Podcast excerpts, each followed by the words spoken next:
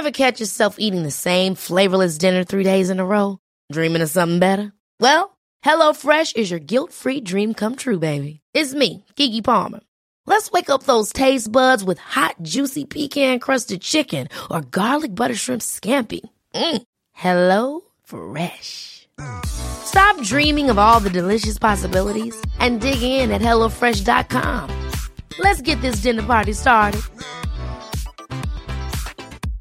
Ready to pop the question? The jewelers at BlueNile.com have got sparkle down to a science with beautiful lab grown diamonds worthy of your most brilliant moments. Their lab grown diamonds are independently graded and guaranteed identical to natural diamonds, and they're ready to ship to your door. Go to BlueNile.com and use promo code LISTEN to get $50 off your purchase of $500 or more. That's code LISTEN at BlueNile.com for $50 off. BlueNile.com code LISTEN. Many of us have those stubborn pounds that seem impossible to lose, no matter how good we eat or how hard we work out. My solution is PlushCare. PlushCare is a leading telehealth provider with doctors who are there for you day and night to partner with you in your weight loss journey. They can prescribe FDA-approved weight loss medications like Wagovi and Zepbound for those who qualify. Plus, they accept most insurance plans. To get started, visit plushcare.com slash weight loss. That's plushcare.com slash weight loss. Er du klar for pod, Øystein? Veldig glad for pod. Nå har vi vaska gulvet, og verktøyet er vaska, hengt opp. Jeg har rydda garasjen. Skikkelig opprydding i verkstedet. Og Ja. så har vi lagd pepperkakehus, så nå står det i ovnen og er klar for pod. Og jeg har endelig plukka opp eh, traktorkjettingen og fått den i hus, sånn at den ikke forsvinner i snøen. Ja, det er kjekt å ha over sånn. ja, det er det, vet du. Nei, men vi kjører pod, da. Ja, vi gjør det. Ja.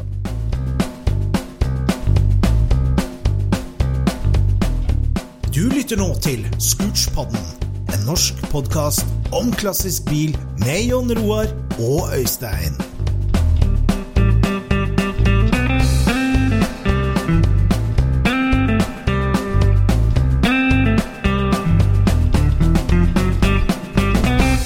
Kjære lytter, velkommen til en ny episode av Scootspodden.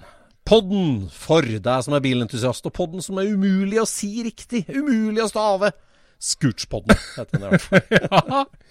ja. den er vanskelig, vet du. Ja, det der får vi litt kritikk på. Altså. Det er mulig vi må bytte altså, til Bilhobbypodden eller noe sånt. Ja. ja, men jeg syns også det er litt interessant ja, da, å ha en sånn greie som gjør at eh, Altså, det er jo et innhold som krever en viss form for tilvenning. Ja, det var det. Da er det kanskje naturlig at det står en liten advarsel på pakka òg. Ja. Hvis du ikke klarer å stave det, hvis du ikke klarer å si det, så, så er det kanskje ikke innhold nå for deg heller. Nei, nei, det kan jeg. Nei, jeg vet det, rakker det. Det er ikke godt å si. Nei da. Nei da, denne episoden skal nemlig handle om Tinnsoldaten, Scootspoddens uh, hyggelige prosjektbil fra eh, Telemark. Som eh, det her blir altså episode fire i føljetongen om Tinnsoldaten. Den bare leverer, den. Den bare leverer og leverer. Det er stadig nye krumspring rundt eh, denne bussen, da. 64-modell Deluxe skolebussen, som vi i Scootspoden ble tipsa om, som vi dro og reiste og fant, og som vi kjøpte, og som vi henta, og som vi tok med oss hjem. Og det var jo der vi slutta sist, egentlig. Ja. Så hvis du ikke har fått med deg Tinnsoldaten del 1, 2, 3, som ligger ute fra tidligere i høst, så er det bare å spole tilbake på kassettbåndet ditt, så finner du det. Ja. Og det er jo veldig mange som kjenner til denne bussen nå, så man blir jo ofte spurt om hvordan det går med den. Ja, vi har jo lagt lista litt, følte jeg da, med at vi hausa så veldig rundt det at vi fant noe at, og, og det var jo så ekte. For at ja. det var helt ekte, alt sammen. Vi var Ja. ja, veldig ivrige og engasjert, og det var hyggelig. Det er jo som jeg ofte sier, vi er ikke skuespillere. Så alt du hører i denne poden her, er ekte. Ja, gjør det. Så når vi jazza oss opp over den bilen, så var det det som foregikk akkurat der og da. At vi lurte oss sjøl til å kjøpe bil. Ja, gjør det. Og så fikk vi et nytt vennskap der. Selgeren og redningsmannen egentlig av Kristen Spånem fra Austbygda. Han eh, var jo så trivelig kar, og har jo fått blod på tann han òg, egentlig. Så han har jo nøsta videre og nøsta videre, han òg, rundt Tinnsjøen. Og fulgt sporene til den her røde og hvite bussen som helt tydelig veldig mange i bygda har et forhold til. Ja. For eh, vi fikk den jo med oss hjem, og fikk rista oss eh, hele veien til eh, Vormsund med den bussen. Og da var det jo bare god, godståle igjen. Alt andre lå langs eh, norske riksveier. Ja, ja det, det. Form for overflatebehandling, det òg. Men før den reiste til Vormsund, så, så tok jo du med deg deler av den og dro sørover når vi skilte, når våre veier skiltes i Drammen. Ja, nå var det ikke jeg som tok av delene, da. Det var vinden som hadde tatt av døra. Det var det. Ja. Når vi var opp første gangen, så hang døra på Ja, den hang vel på en liten skinntarm der, eh, sånn som tennene på eh, førsteklassinger. Ja. og så neste gang vi kom, så hadde døra bare dette av. Ja. Så da var passasjerdøra av, og da ser den trist ut, altså. Altså, ja, for vi hadde jo sett den relativt hel, og så når vi kommer dit, og så døra mangler Nei, sånn kan vi ikke ha det. Nei. For planen med det at vi skulle ta den med oss på Oslo Motorshow, eh, den ramla jo fort inn i hodet vårt, og det var jo en veldig fokus. Og derfor så la vi jo en liten slagplan der for å få den til å se liksom så hel som mulig ut, eh, før vi Mm. rulla den inn på den røde løperen i Ja. messehallen. Ja. Så du tok med deg døra. Døra blei med hjem, og du hadde med resten av hengslene hjem. Ja, For de satt jo fast i bussen. Hengslene satt fast i bussen. Og det var jo da jeg leita etter noe å lage meg en uh, avdrager av, og at jeg i de gamle rotekassene mine fant en superbra dørhengselpinneutdytter. Så Ja. det gikk jo som en lek, med litt varme og mye olje og banning. Så fikk jeg delt i Så fikk hengslene. du skyve ut de, ja. Ja. Og imellom et par eh, håndballkamper så fikk du levert de eh, på en eh, ukjent adresse i Ski. Ja, stemmer det. Og så svinga jeg innom den ukjente adressen der og plukka opp de, Ja. og fikk de med meg til Sandefjord på vei. For at Ski er jo på vei mellom Helsingborg og Sandefjord. Ja, kjent. det er jo det. Så, sånn er det. Altså, den logistikkdelen av bilhobbyen. Med jeg har kjøpt en ting der, jeg skal levere en ting der, hente en det, det, altså, det trafikkeres over hele norske veinettet. Har jeg inntrykk av med bildeler til enhver tid. Ja. Altså, det er så mye omløp. Så jeg tror det er en del deler som reiser fram og tilbake òg. Ja, det er det jo. Nei, så da Ja, så du, da fikk jeg jo hengslene i hus, da. Og så Og kvelden før vi skulle dra inn og sette inn bilen, så fikk jeg gjort det ferdig. Da fikk jeg sveisa fast eh, hengslene på den. Mm. Så fikk vi jo nye pinner til hengslene av ja. vår forrige gjest, Morten Brattås. Ja, Morten Eller Brattås. tidligere gjest, Morten Brattås. Ja, han var jo bare inn på det blå deleskelageret sitt. Han har plukka ut eh, to nye der. Så det var veldig greit. Ja. Og så sto jo vi da når alle andre står og polerer bil på Oslo Motorshow, så står vi og monterer dør. Og det er jo litt spaking og banking for å få dette sammen.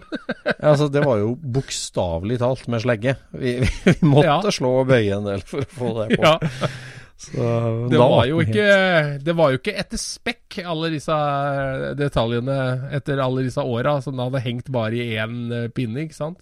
Så her måtte det justeres litt, da. Men vi fikk det jo til å stemme, da. Ja, vi gjorde det. Vi fikk det på. Visste seg jo da at bilen har jo den inntrykkinga i fronten, for eh, det var jo lært etter hvert at han ble jo taua rundt eh, til mange hogstfelt rundt Tinnsjøen. Eh, Så han Mm. har jo ligget og dunka inni traktoren mange turer, og så mye at døråpningen var litt for liten. Ja. Den, det var litt trangt der, ja. Men, men det stoppa ikke folk å få opp den døra. Nei, det gjorde ikke altså, selv om vi kila den Den fast. Så. Eh, Ja, sjøl om du måtte ta, ta i ja, for, uh, for konge og fedreland, så skulle den døra opp. Og det Ja. var Det skjedde i hvert fall sju ganger i løpet av den helga at noen dro opp den døra. Ja, Til tross at den satt fast, altså. Ja, det det. Var den eneste i hermetegn fungerende døra på hele bussen, så for å liksom få auraen inni det her skogsbrakka, så, så måtte man jo liksom stikke huet inn. Ja, ja da, det, det er jo litt sånn Du tenker at det er Når bilen står der, og Det var vel kanskje Messas eneste skogsrak. Ja, det tror jeg det var. Det- Absolutt. Ja. Så den hadde liksom en sånn aura om at her er det bare å forsyne seg. Dette her er helt uh, ja. Dette er et lekeapparat. Ja. Men det, ja, jeg tok den med meg hjem og styra litt med å få hjul på den. Og jeg hadde jo et sett fine 15-toms busshjul stående, men den her har jo så ny at den skulle hatt 14 tom. Så Mm. vi fikk jo sourca felger fra øst og vest. Da. Vi fikk jo to kjempefine felger fra vår venn, også gjest, Erik Dahlberg, som donerte. Og så fikk vi jo en fra Morten Bratås, òg, gjorde vi ikke det? Jo, vi fikk en, eh, en felg med dekk, ja, fra Morten Ja. Brattås. Ja. Det var veldig eh, hyggelig patina på. Ja, ja. Og så var det jo to originale som fulgte med, så nå har vi fem hyggelige 14-tomsfelger med hyggelig passende patina. Ja. Så jeg starta jo Vi har ikke noe dekk ennå, da, men Nei, vi har ikke det, vet du. For det å få tak i de der varebildekka 64014, eller 690 7014 diagonaldekk, det er det altså veldig få som lager i dag, og de er vanskelig å få tak i. Så der, eh, det har vi slitt litt med. ja. Så da ble det 15-tommere inn på Oslo Motorshow. Det var ikke så mange som påpeka det, egentlig. Nei, det var egentlig ikke det. Det var mange kommentarer rundt bilen likevel, da. Om det ikke gikk så mye på felgdimensjonen, så var det jo veldig mange kommentarer som falt. Det må Ja, altså, jo det der- å ha vært en liten publikumsmagnet. Det var det jo. Vi oppfatter det jo sånn at vi sto der ved siden av mange blanke, fine biler med øst og vest, kan jeg si, men at det var en folkeansamling rundt uh, den utslitte tinnsoldaten, det Altså Det der var jo et genitrekk, vil jeg si, i forhold til i hvert fall det å finne ut uh, historien til den bussen. For det at Ja. det som var helt tydelig, var jo at det var jo ingen hjemme i Austbygd, i hvert fall de tre dagene det foregikk på messa. Nei, det var merkelig, altså. Hvor mange grupper av seks-syv personer som kom forbi og bare Ja, det er bussen til Kristian Ja. liksom, det er jo liksom Det var ikke Det ble jeg ordentlig imponert over, hvor mange som faktisk har festa seg ved det. Så de må jo også være bilinteressert, da, for å reise helt derfra og ned til, eh, til Lillestrøm for å se på bil, og så, og så kan de bare Det skogsvraket der, det kjenner jeg igjen! Ja, ja. Ja, mange som kjente igjen. Og det, så hadde vi jo også satt skilt på han, for at eh, vår gode venn på skiltfabrikøren eh, nede i Fredrikstad, han pressa jo opp drosjeskilt med originale regelnummeret H12012. Ja. Um, og det at den var da telemarksregistrert med H-skilt, fikk jo en del folk til å liksom stoppe og snu seg. Og så var det noen Ja. som kjente igjen skiltet òg, så det Nei, det der var, Ja. det var For å raskt på en måte få gravd fram masse historie om en bil, så var det der eh, helt topp, altså, å ha den der. ja, ikke sant? Jeg husker det gikk forbi en, eh, en drosjesjåfør, og han sa 'Det er bussen til Gjermund', sa han. Og da kom jo han forfra, han hadde ikke sett skiltet i hele tatt. Han, og ikke skyvedøra, så han så bare den bussen. 'Det er bussen til Gjermund'. Og han ringte rett til vaktsjefen på drosjesentralen på Rjukan og sa 'Nå står jeg ved sida av bussen og til han Gjermund'.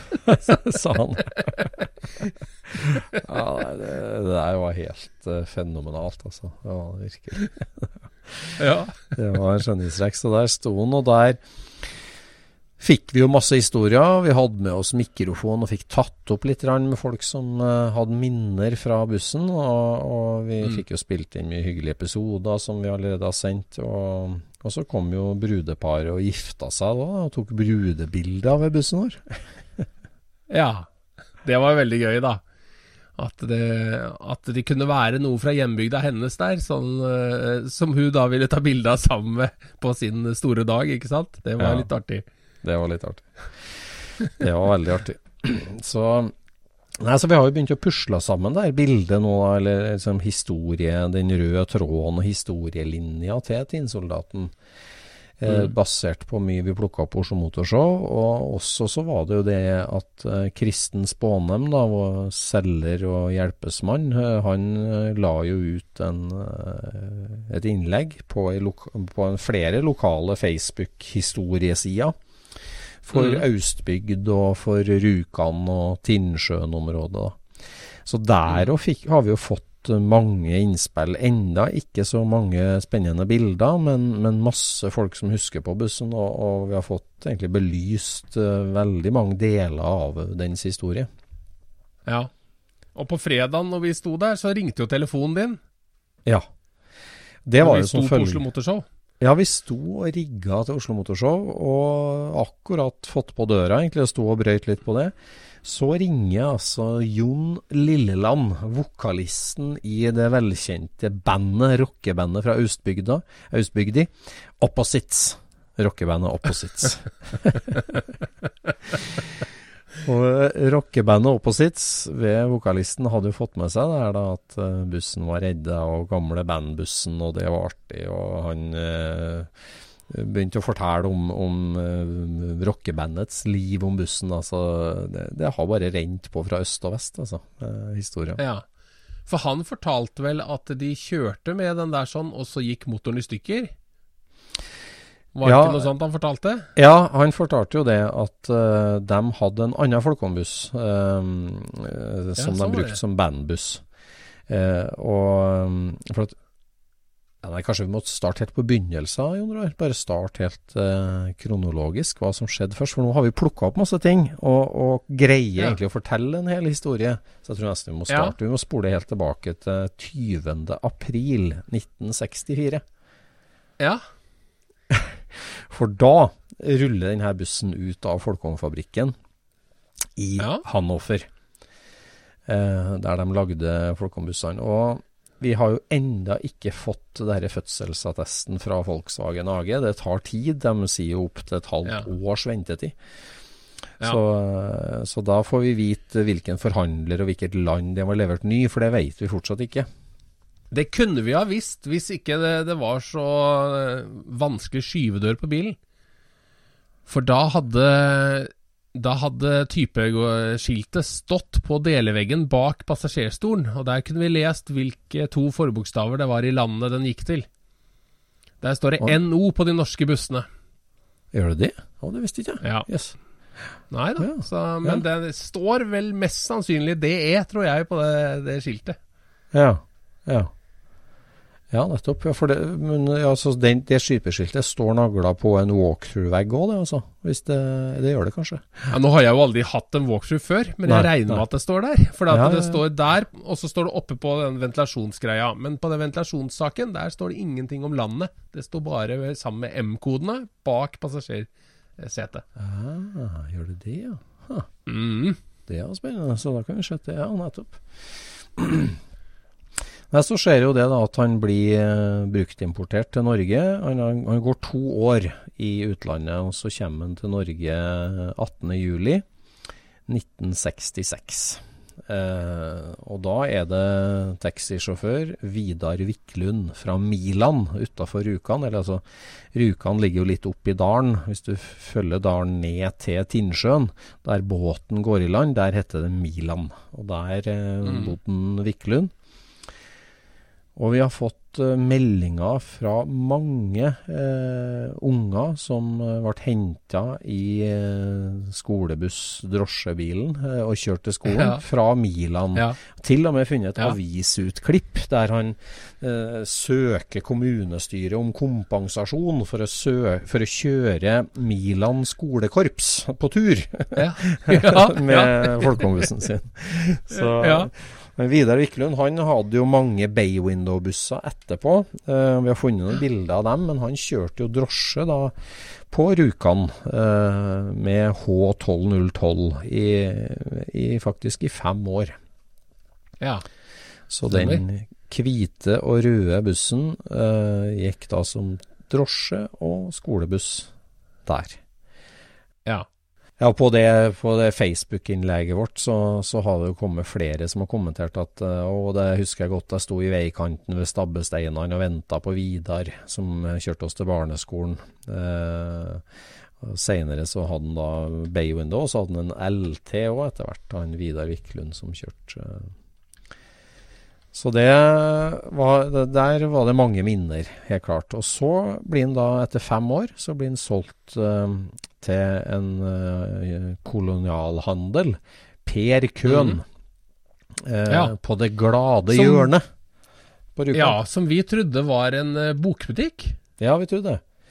Men ja. det viste at det var, en melkebutikk, og senere en kolonialbutikk. da. Eh, ja. Kolonialhandel Årnes efterfølger.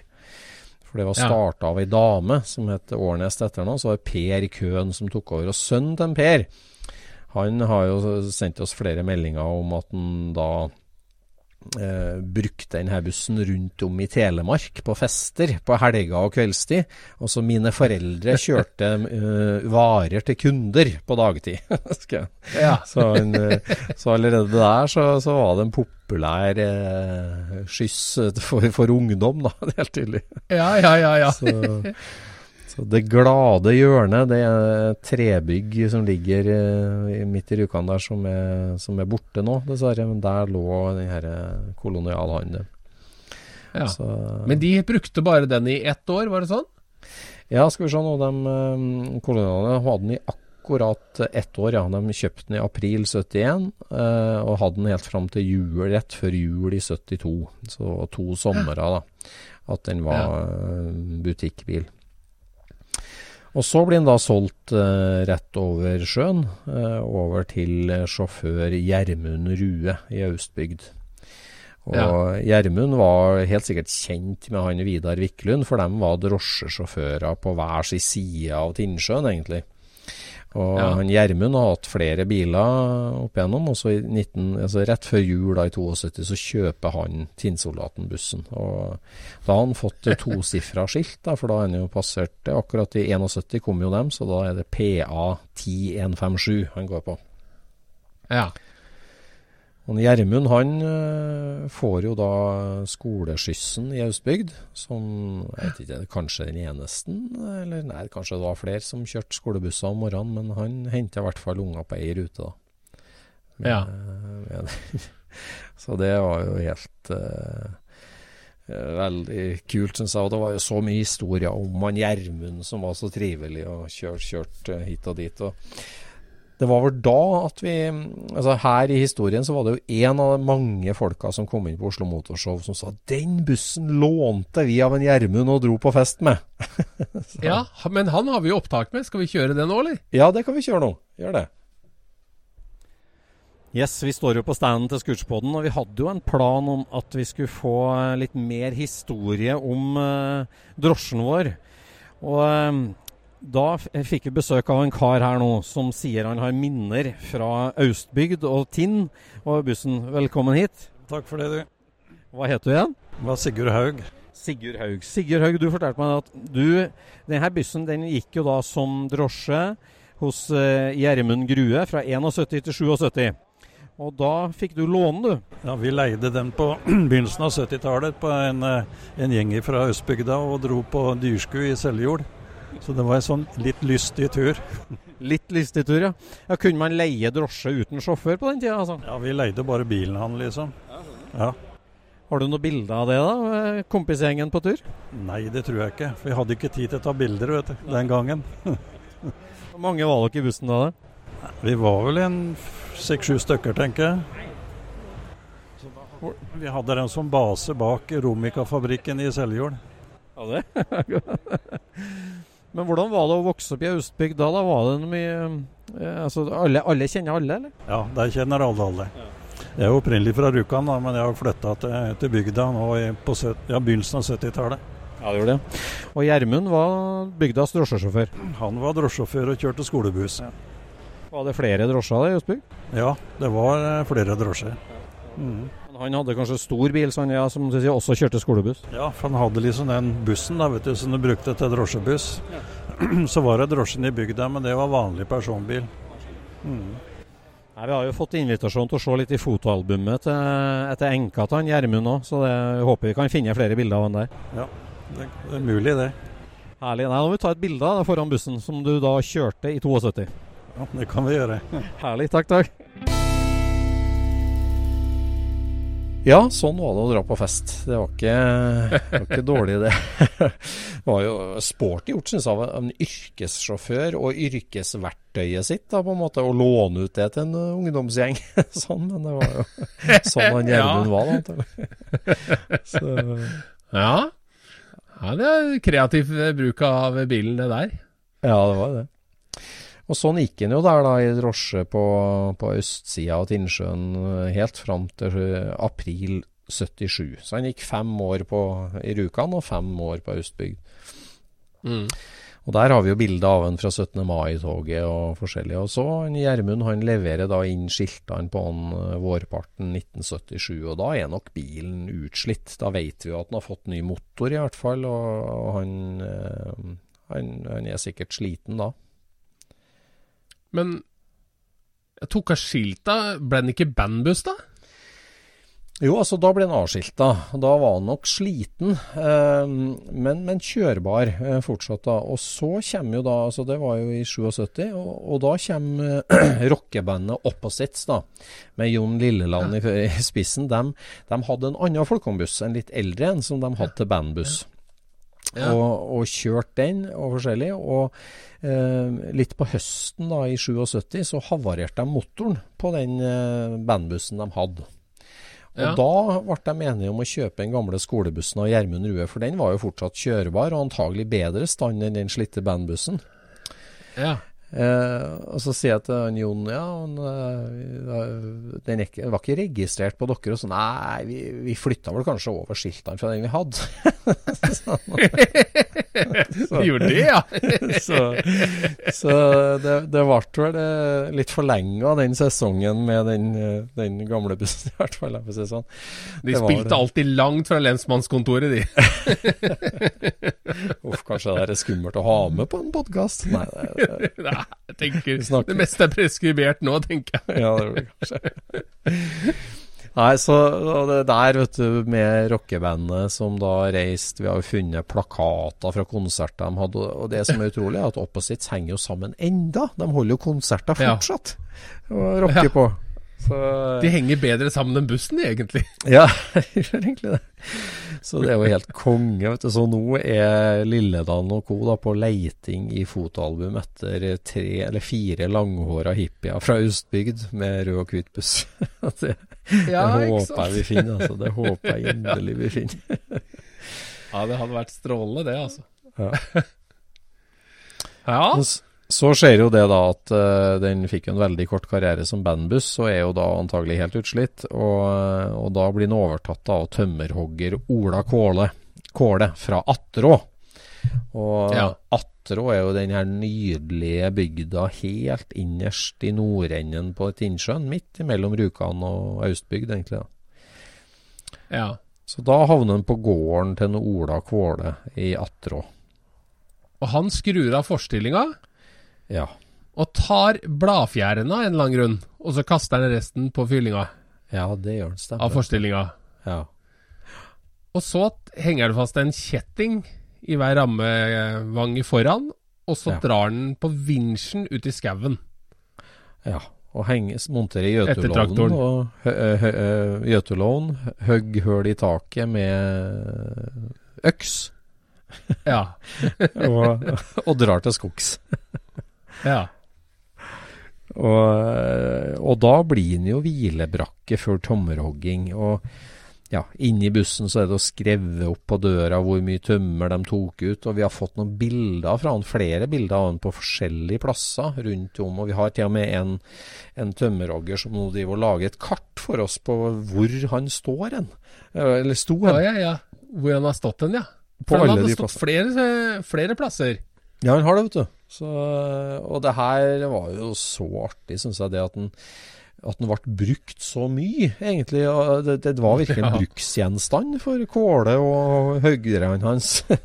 og den, den karrieren starta jo faktisk i 1980, 1980 så ble den på sitt første hogstfelt, og er egentlig ganske aktivt i bruk i, i hvert fall i 20 år. Altså fram til år 2000 omtrent, så er han altså i bruk som hogstbrakke. Ja. Og der fikk vi jo også en innom på stand som hadde vært med å bruke den som hvileblakke på elgjakt. Ja, det gjorde vi, og det var så artig når han kom bort. For han kjente jo igjen med en gang. Bare what?! Den her har sittet inne på elgjakt, og her står han på Oslo Motorshow! så, ja. så det var kjempe... Ja, og han tok det jo faktisk opp med også, så vi kan jo høre ja. det nå. Ja, det kan vi. La oss gjøre det. Ja, Vi får jo stadig folk innom her på standen som uh, har et forhold til, til, til Austbygdbussen vår. Ja, det må være mye folk oppi der. ja, det er jo veldig folksomt. Og da kommer det en kar innom. Velkommen hit, og hva heter du? Jeg heter Øystein Fehn. Så Du har sittet på elgjaktpost du, inni Tinnsoldaten, som jeg begynte å kalle den? Ja, det har jeg gjort. Og jeg må jo få presisere når det kaller han Austbygdbussen. Da, så han har ikke stått så veldig mange år i Austbygda. Han har stått i atter og jeg vet ikke hvor lenge, men jeg kan iallfall huske at jeg satt inne i 1984. 1984? Ja. Da var det vedovn inni her, og med fyra her, både når du satt på post og samles til matpause i elgjakta i den bussen her. Så da var det han som hadde den da i veldig mange år, som heter Olav Kvåle, ja. som uh, eide den. Og han var med på elgjakt der. Ja, Var han primært satt ut som hogstbrakke, eller som elgjaktpost? da? Nei, det var, han, det var som hogstbrakke. Ja. Og han, eh, han eh, hadde jo med seg flere plasser, så han huka tak i kjettinga framme her med vinsel på traktoren. Og så drog han uh, opp i lommepanna, og så drog han på neste plass han òg. Ja, han gjorde det, så han flytta han rundt stadig vekk? Flytta han rundt med traktoren, ja. Så sisteplassen jeg kan huske han sto, og da jeg tror grunnen til at den egentlig ble flytt derfra og ble solgt, den sto plassert der som det er lagt nå akkurat nylig åpna et kraftverk, så det er lagt der rørgata til kraftverket uh, ligger. Der uh, Det var siste post? Det var siste post i Atre, og så ble han tatt til Austbygd og sto der noen år. Ja, men det at han gikk Han, altså han Gjermund Grue som kjørte den som skolebuss, det var i Austbygd? Han var i Austbygd, ja. Mm. Så det er helt riktig. Gjermund Rue, ja. Han, uh, han brukte den som skolebuss. Ja. Så, så, for Vi har jo funnet bilder av den fra 17. mai-toget i Austbygd, når han var skolebuss fra den tida. Men så ble det jo da hogstbrakke, som du sitter her. Er det bilde av den? Der er bildet av meg og Menia. Og der er Johannes Lurås, heter han. Det er Herlig. Skal vi se. Bare få med oss eh, ja, har, eh, jeg må bare Brukte du skyvedøra når, eh, når du var på hogst, eller, eller på jakt? Ja, det, jo, jeg tror vi fikk opp den skyvedynen når vi var på, satt inn der når vi var på jakt. altså. Jeg tror det. Jeg husker ikke, Det er lenge siden, vet du. Det er lenge siden. Så 82, ja, sa du? Eh, 84. 84. Da vi har lurt litt på det, og inni her så er det på, på dørpanelet her så er det skrevet opp noe. Vi har på vitser om at det tømmeret de tok ut, kanskje et antall elger. Jeg vil nok tro at det er timmeret. For det, det var jo liksom ikke det at vi satt der på elgjakt. Det var hvis vi hadde posta i nærheten der. Så jeg tror nok det har noe med timmeret å gjøre, men jeg veit ikke. Men uh, husker du om det var benker og sånt inn når du satt inn, eller? Ja, dem var heimesnekkere. Og de var det, ja? Ja, ok. Akkurat, så det var ikke de originale busseterne? Ikke som jeg kan huske. Men jeg tror kanskje han hadde vært i bruk ei beite første gangen jeg var satt inn i det. altså. Herlig. Veldig bra. Du kjente den igjen med en gang, du? Ja, ja, med en eneste gang. herlig. Ikke minst når jeg så hull i taket. ja, herlig. Jeg tror alle den var registrert på han som uh, brukte den til det. I hvert fall kan ikke jeg huske at det var skilt på den. Nei, var, eh, sånn som vi har funnet ut, så gikk han jo som skolebuss til 77. Og så var det ett år at eh, det kjente bandet Opposites fra Østbygd hadde den som bandbuss i ett år. Det stemmer. Opposites hadde den som bandbuss, ja. Det stemmer. Ja, Veldig artig. Så du De er fremdeles aktive. Ja, det har vi, vi har snakka med dem, faktisk. Herlig.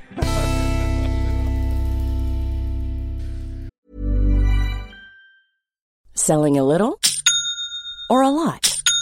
Shopify helps you do your thing however you cha-ching. Shopify is the global commerce platform that helps you sell at every stage of your business. From the launch your online shop stage to the first real life store stage, all the way to the did we just hit a million orders stage.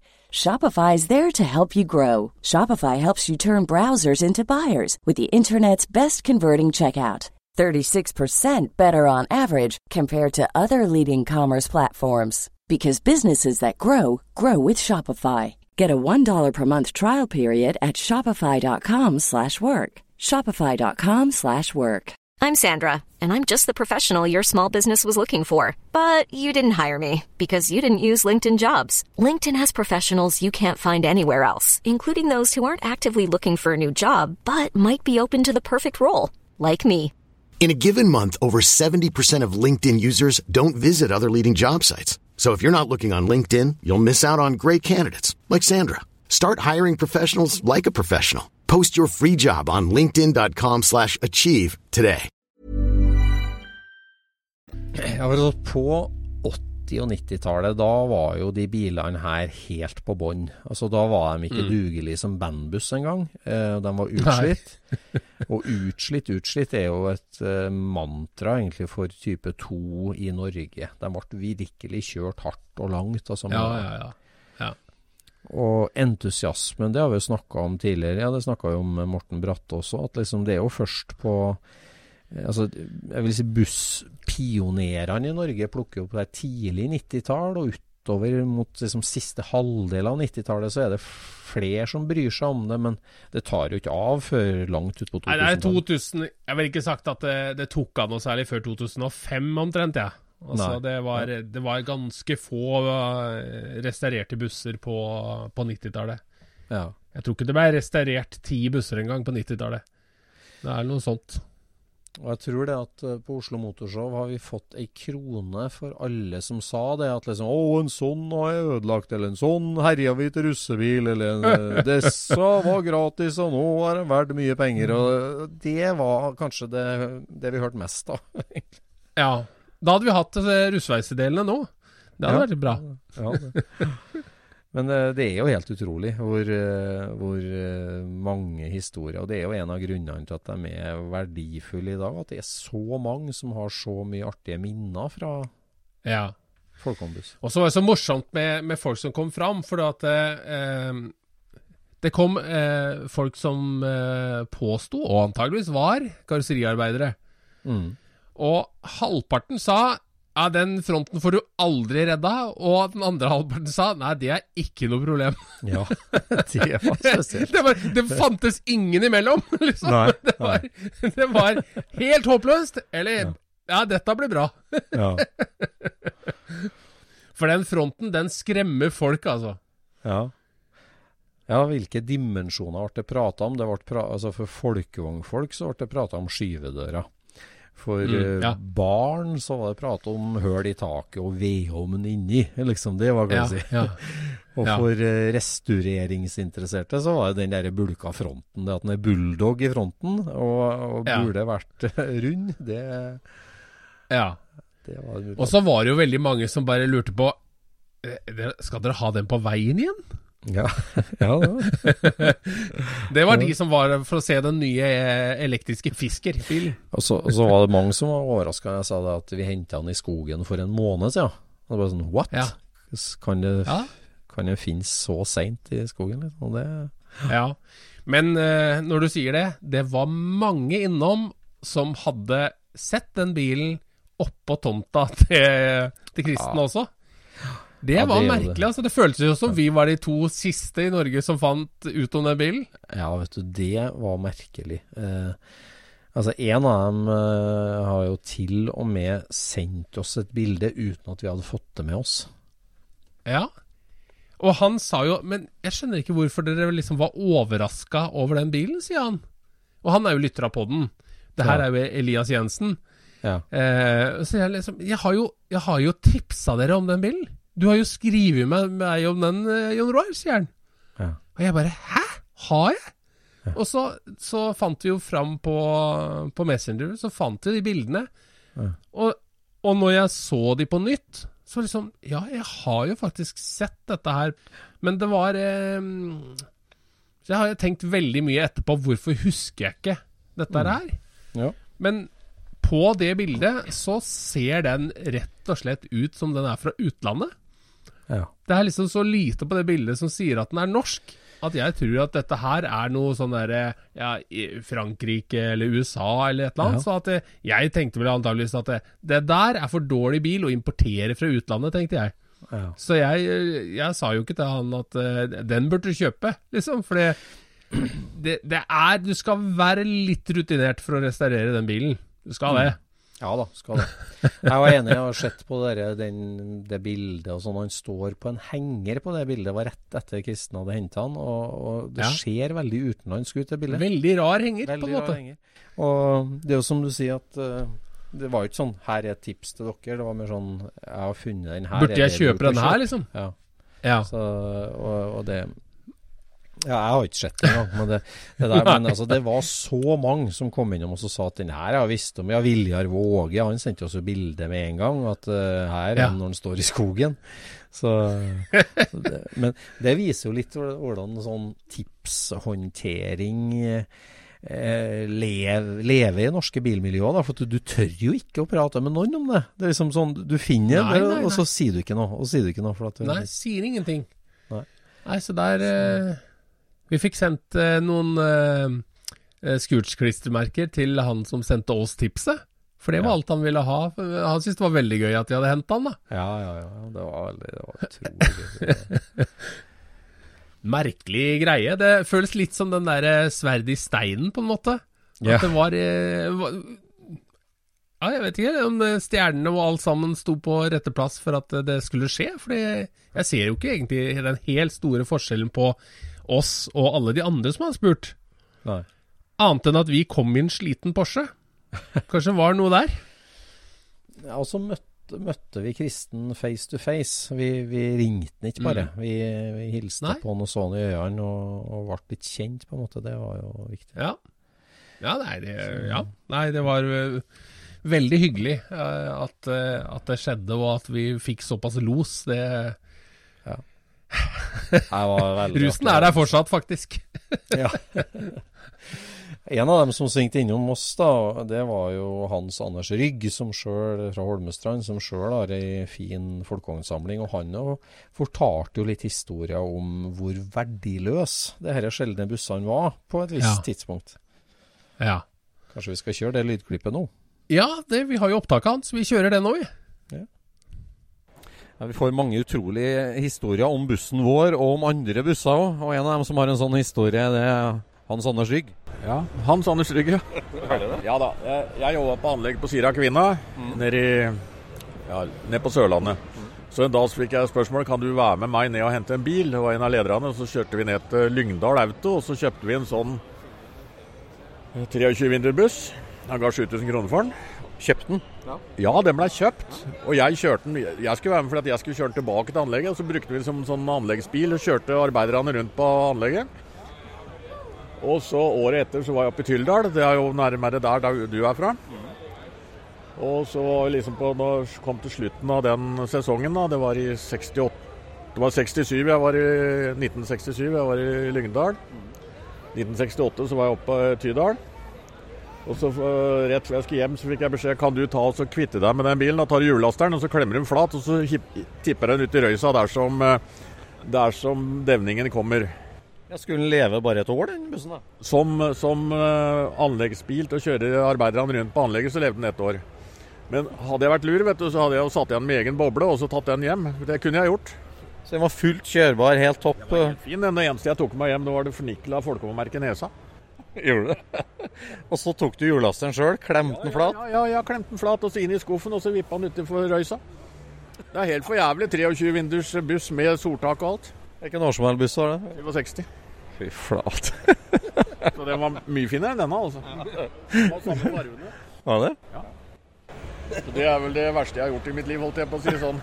Men som trøsten er, da Om jeg så hadde tatt den med hjem, så han jo brent opp sammen med alle de andre, så det betyr jo ingenting. Nei, Den er tapt uansett. Ja, den hadde vært tapt uansett, da. Det er liksom ja. når Hans Anders eh, har en eh, svær samling og en låve full av eh, kul bil, Mm. og så har han klemt flat en 23-vindus buss Ja. og hivd den Ja. i, i sitt tidligere liv. Det er Ja. jo, det er jo for vilt. Det var ikke verdt noe. Det har ikke vært noe, det sier jo litt hvordan interesser hos oss som mennesker forandrer seg òg. For at, eh, altså, mm. han har jo alltid vært interessert i bil. Men mm. det som faren min snakker om, at de bilene han kjørte i for å leite etter veteranbil på 70-tallet, det er jo de bilene som er interessante nå for folk. Å eh, oh, ja? Så han skal ha MK1 Granada stasjonsvogn da nå? Ja, ja. Det, det, mange etterfølgere av det. Mer enn det han hadde på hengeren bak der, vet du, nesten hvis det var en sin 1928-modell Oakland eller noe sånt. Så, så det, det, er ikke så mange som er ivrige på det nå.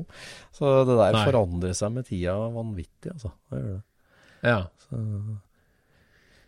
men eh, interessen for, eh, for, buss var i hvert fall påtagelig på Oslo Motorshow. Og det kom jo fram eh, folk som hadde tatt med seg noen godsaker til oss også. Ja, det, vi mangler jo en god del til bussen. Og, og, vi har allerede fått noen utrolig hyggelige donasjoner og deler, så det, det er fantastisk. Der har vi en del til vi skal mhm. ut på bygda og hente og noe har vi tenkt i vinter, som vi har fått tilbud om. Ja, det er sant. For uh, vi blei jo tilbudt uh, deluxe-list av uh, Joakim Alfarustad. Mm. Den må vi få uh, henta i hus. Ja, for vi mangler til skyvedøra, og den må går an å bygge om til det, antagelig. Ja, det skal vi klare å få til. Mm. Og så og... hjelpa vår på standen på Oslo Motorshow. Mm. Jon Strand Bjerke. Han hadde noe på lur. Ja, han dro dro fram et uh, nydelig speedometer, som var vel bare noen måneder eldre enn bussen, som passer helt perfekt. Så det, Nettopp. Og det, det, som er i bussen, det bærer jo preg av at elgjegeren har bomma på elgen. ja, ja, Det er uh, litt beyond, kanskje. Ja, det har fått litt juling. Og vår tidligere gjest Øyvind Berger, han hadde baksete. Ja. Som han ville donere til bussen? Ja, det er, da, er vi da, har vi, da har vi tre av åtte seter på plass. Eller tre av åtte seteplasser, i hvert fall. Ja. Tre av åtte seteplasser, ja. ja. Nei, det er veldig hyggelig at folk vil være med og bidra. Og det er jo det som var litt tanken òg med Tinsoldaten, at uh, den skulle bli en litt sånn felleseie til Scootspodden og Scootspoddens lytter, lyttere. Så, mm. mm. så det, det setter vi stor pris på. Så nå er jo spørsmålet da, hvordan skal vi få handla inn alle de rystsveisedelene vi må ha til den, for det, er en del blekk som må ja. på plass. Ja. Ja, nei, det er sant, det. Vi må Der må vi være litt eh, kreative for å få til det, føler jeg. Ja. Um, fordi det hadde vært veldig, veldig gøy å bare begynne man har jo mm. lyst til å skjære ut og få dette her bedre. Fordi rammevangene og sånt nå er jo ganske ålreit på den. Mm. Så det er liksom Det som ligger oppå de, det må byttes ut. Det kommer du ikke mm. rundt, liksom. Nei, det er ikke det. Nei, og det, det hjulhuset foran han har ligget nede på bakken i mangel av forstilling på mange plasser, så det er en del å ta tak i i, i nedre mm. deler i fronten der. Så, ja. Men det skal bli en kjempebra buss. altså Nå blir den jo stadig mer komplett for hver eneste uke som går. Så det, vi gleder ja. oss til å begynne på den. Vi må bare gjøre noe litt annet prosjekt først, før vi kan virkelig starte. Vi må jo få den et sted som det går an å jobbe på den også. For nå mm. står den jo lagra bare. Den står jo innendørs og, og, fint. Men uh, mm. vi må jo ha den et sted så vi får jobbe ordentlig på den. Jeg må det. Og vi har jo hatt eh, lyttere som har eh, lurt på om det går an å uh, være med å restaurere den her på dugnad. Ja, det går absolutt Og Det er jo en spennende tanke. Ja, veldig spennende tanke. det er jo det. Så... Og, men da var jo liksom tanken fra, fra lytteren var jo at eh, kanskje vi kan liksom spille inn en pod mens vi gjør det. Ja. Og det er jo også en ny eh, frontier for oss. Det, ja. det har vi ikke gjort før. Nei, det har vi ikke gjort før.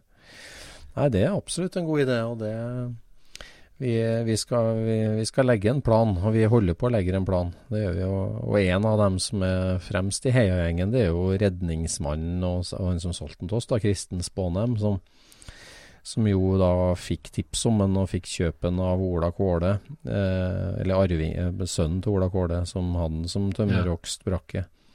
Og som mm. da henta han for en fem-seks år siden og tok vare på han. Og han er jo så Han angrer jo så gæli, men han syns samtidig det er veldig hyggelig at, uh, han går en ny vår i møte.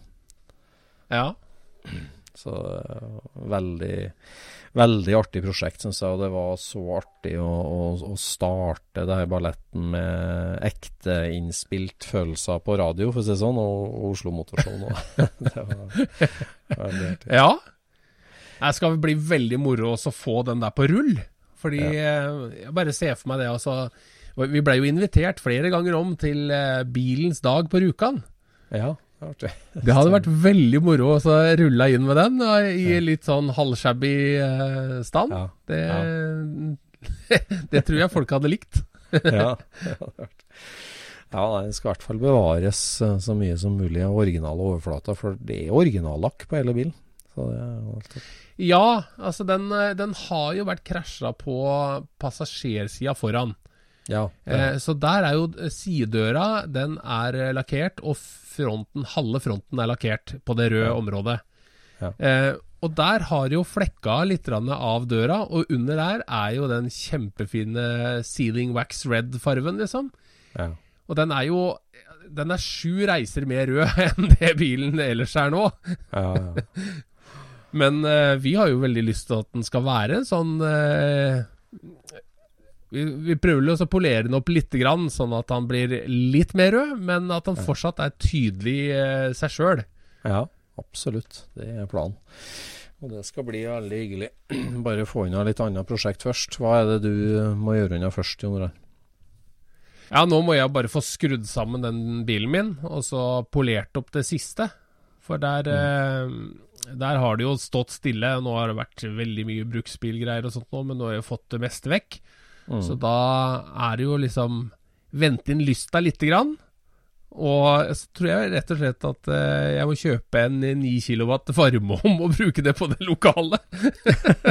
For å kunne orke å polere bil. Det går ikke an å stå med så kaldt uh, lokale og, og, gjøre det. Så det ny vifteovn må på plass. ja. ja. Uff. Nei, det må litt elbow grease til der. Wax on, wax off. Ja. det Må det, altså. Jeg skrur cab om dagen, 52 boblecab, og der eh, er det stadig mindre sveisemetall igjen på den, og begynner å bli eh, Det går framover. Så nå eh, gleder jeg meg virkelig til å begynne å ja, Nå skal jeg ha på litt grunning og lakk på en del nedre deler. Og så ja. skal han av gårde til lakkkunstner for å bli så bra han kan bli. Ja, men der får jo du en, en, en ny patina-utfordring i det taket.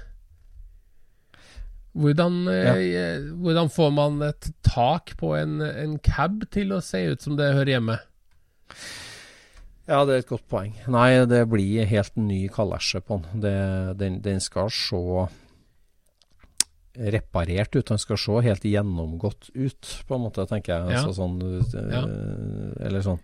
Det er, det er ikke noe mål at den skal se shabby ut, men det som er ekte, skal være ekte. Og det som åpenbart er reparert, kan være åpenbart reparert, uh, har jeg tenkt. Å, ja. ja jeg, tenkte, jeg, tenkte, sånn at du kanskje kjørte med dette her litt sånn sølvfarva stoffet som Mercedes har på, på sine caber noen ganger?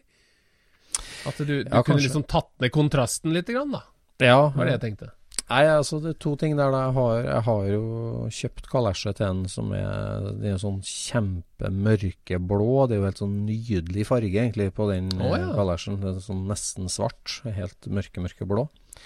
Ja. Eh, og det er jo veldig fint mot eh, litt lysere og blå bilen. Eh, mm. Uh, og så har jeg jo en sånn kalesjesekk. Når kalesjen er slått ned, så er jo det en veldig sånn integrert designdel av Karman kabrioleten, egentlig. Og den er jo veldig tydelig. Den ligger jo oppå bilen.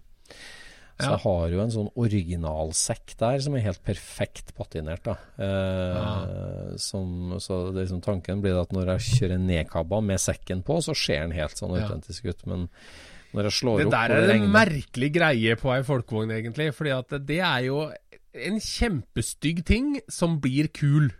Ja. Liksom, det- altså, den, den, det er jo nesten mislykka, det de har fått til med det Ja, taket, det på en måte. Det altså. Men det her er fortsatt kult. Det ser Ja. kult ut. Det er jo sånn det skal se ut. Ja, ja, ja. Men det er liksom en komisk stor krage, eller sånn derre whiplash-nakke, på en måte. ja, det er det. Ja, det der er noe skikkelig rart som liksom er et tegn på noe veldig kult for oss som er nerder, i hvert fall Ja. Og da må du jo også ha det derre Det speilet som har en hengsle midt i speilpinnen, sånn at du kan vippe det opp, sånn at du klarer å se over den svære kalesjen som ligger og sperrer utsikten bakover. Ja, ja. Nei da, det der eh, er en spesiell konstruksjon, ja, men en veldig ettertrakta sak da, fra Karman, som var, så tidlig ut. Så jeg koser meg med den, altså. Det, skal, det blir skikkelig Ja. Ja. Men når vi sto der på Oslo Motorshow og, og snakka buss med Gud og hvermann, så kom det en kar forbi, og han, eh, han sa 'Jeg har en sånn eh, buss eh, hjemme, men det er en pickup', sier han. Ja. Ja vel, sier jeg liksom. Ja, hvordan ser den ut, og hvilken stand er den? Nei, den er helt strøken. ja. Men den er eh, senka på 356-felger, og så er den grå og lys gul. Oi. Hæ? Ja vel, er den det? Ja. Ja, nei, den, eh, den har han hatt siden eh, tidlig 90-tall, sa han. Oi. Jaha. Og det som demra i hodet mitt da, er at det er jo den eh, enkeltkabiner-pickupen jeg så på Karl Johan, parkert bak newbeateren til Blue Nelson, når jeg var på skole-klassetur til eh, Oslo på 90-tallet. Er det det? Ja, den har jeg også sett på Valle Hovin på, på treff, den, Ja. den bilen. Det er bare én som For det er liksom på en måte pølsa på den bilen som er gul. Ja. Og så er resten bil, av bilen er sånn, eh, hva heter den, Chintilla Grey eller et eller annet sånt noe. Veldig stilig bil, litt sånn lavprofildekk og sånt på den, men den var jo veldig egen da. Det var, det, det, det var ikke vanlig, ikke sant? Nei, nei, nei. Og det er, det er fortsatt ikke vanlig med liksom hotta enkeltkabiner pickup. Men han var innom på stand, og han hadde den fortsatt. Lurte på liksom, hva kan jeg få for en sånn? Yes, hadde han det? Ja, men mm. eh, kjente han Blue Nelson da når han kom på verdensturné? Nei, jeg spurte han om det. Jeg spurte han om det. Altså, eh, den bilen så jeg på Karl Johan parkert bak New Beatlen til eh, Blue Nelson i 1998. Ja, det måtte være 1998, ja. Mm. Ja, for det må det vel nesten ha vært. Ja. Ja. Mm. Men eh, det kjente ikke han seg igjen i, da. Så jeg vet ikke om, om Yes. ja, hvordan det egentlig hang sammen. Men jeg tror den har en følelse at jeg nesten tok bilde av det òg. Må leite i noen gamle album for å finne det, kanskje. Men, Yes. men det sitter prenta i huet på meg, at det Ja. der var spesielt å se. En veldig sjelden bil og en veldig kul bil sammen Ja. på Karl Johan. Utafor Grand Hotell. Ja, det var noe de, de måtte jo ha kjent hverandre eller møttes på noe vis. Det var ikke tilfeldig at de sto eh, sammen, de to bilene. Nei, for, for Blue nei. Nelson gjorde jo det. Han oppsøkte jo entusiaster langs hele ruta. Han bodde jo hos meg i en hel uke i Trondheim. Eh, så han, han oppsøkte jo folk for å liksom komme seg videre på den verdensturneen med sin sølvfargede, helt nye nye Beatle. Ja. Nei, det er artig hva, hva sånne historier bare trigger. At det plutselig så husker du noe fra langt tilbake. Ja. Det er, det er mye sant, altså. Ja, det er mye sånt. Åh. Ja, det kom mange innom eh, mye gamle, artige historier. Åh. Det var en eh, 64 911, en rød 64 911 som var i Trondheim, som liksom litt sånn skjult og bortgjemt, som plutselig skulle selges her. Og jeg, Ja. for, det er mange år siden nå, men eh, og jeg hadde så lyst, og jeg prøvde å få til pengene, og det var rimelig, og, men jeg måtte gi slipp. Og han som kjøpte den, han kom og glisa på, innom standen på Oslo Motorshow.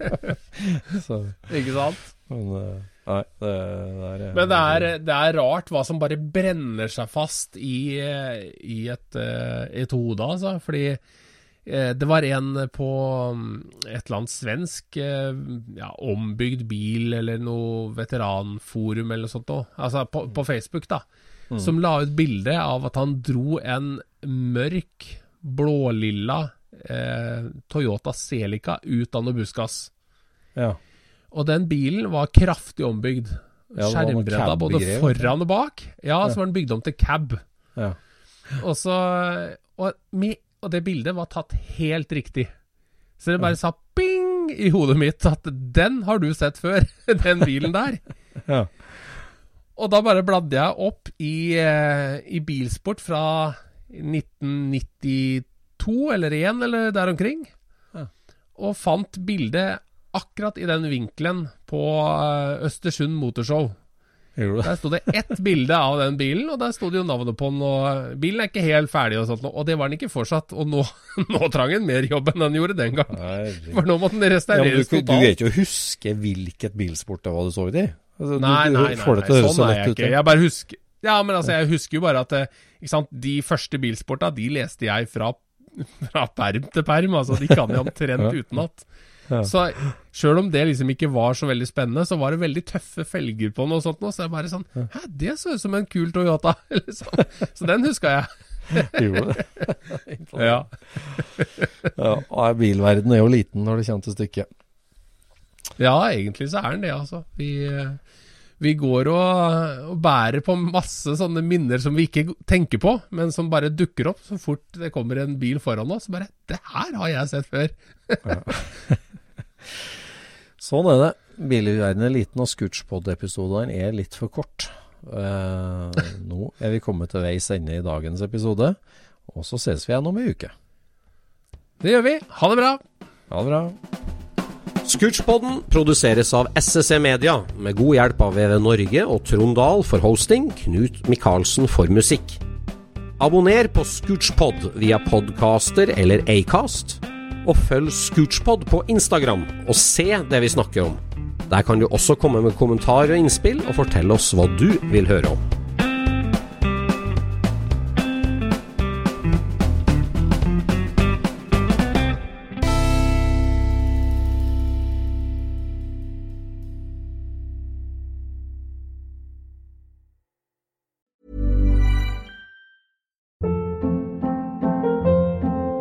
Hold up. What was that? Boring. No flavor. That was as bad as those leftovers you ate all week. Kiki Palmer here, and it's time to say hello to something fresh and guilt-free. Hello Fresh. Jazz up dinner with pecan-crusted chicken or garlic butter shrimp scampi. Now that's music to my mouth. Hello Fresh. Let's get this dinner party started. Discover all the delicious possibilities at hellofresh.com.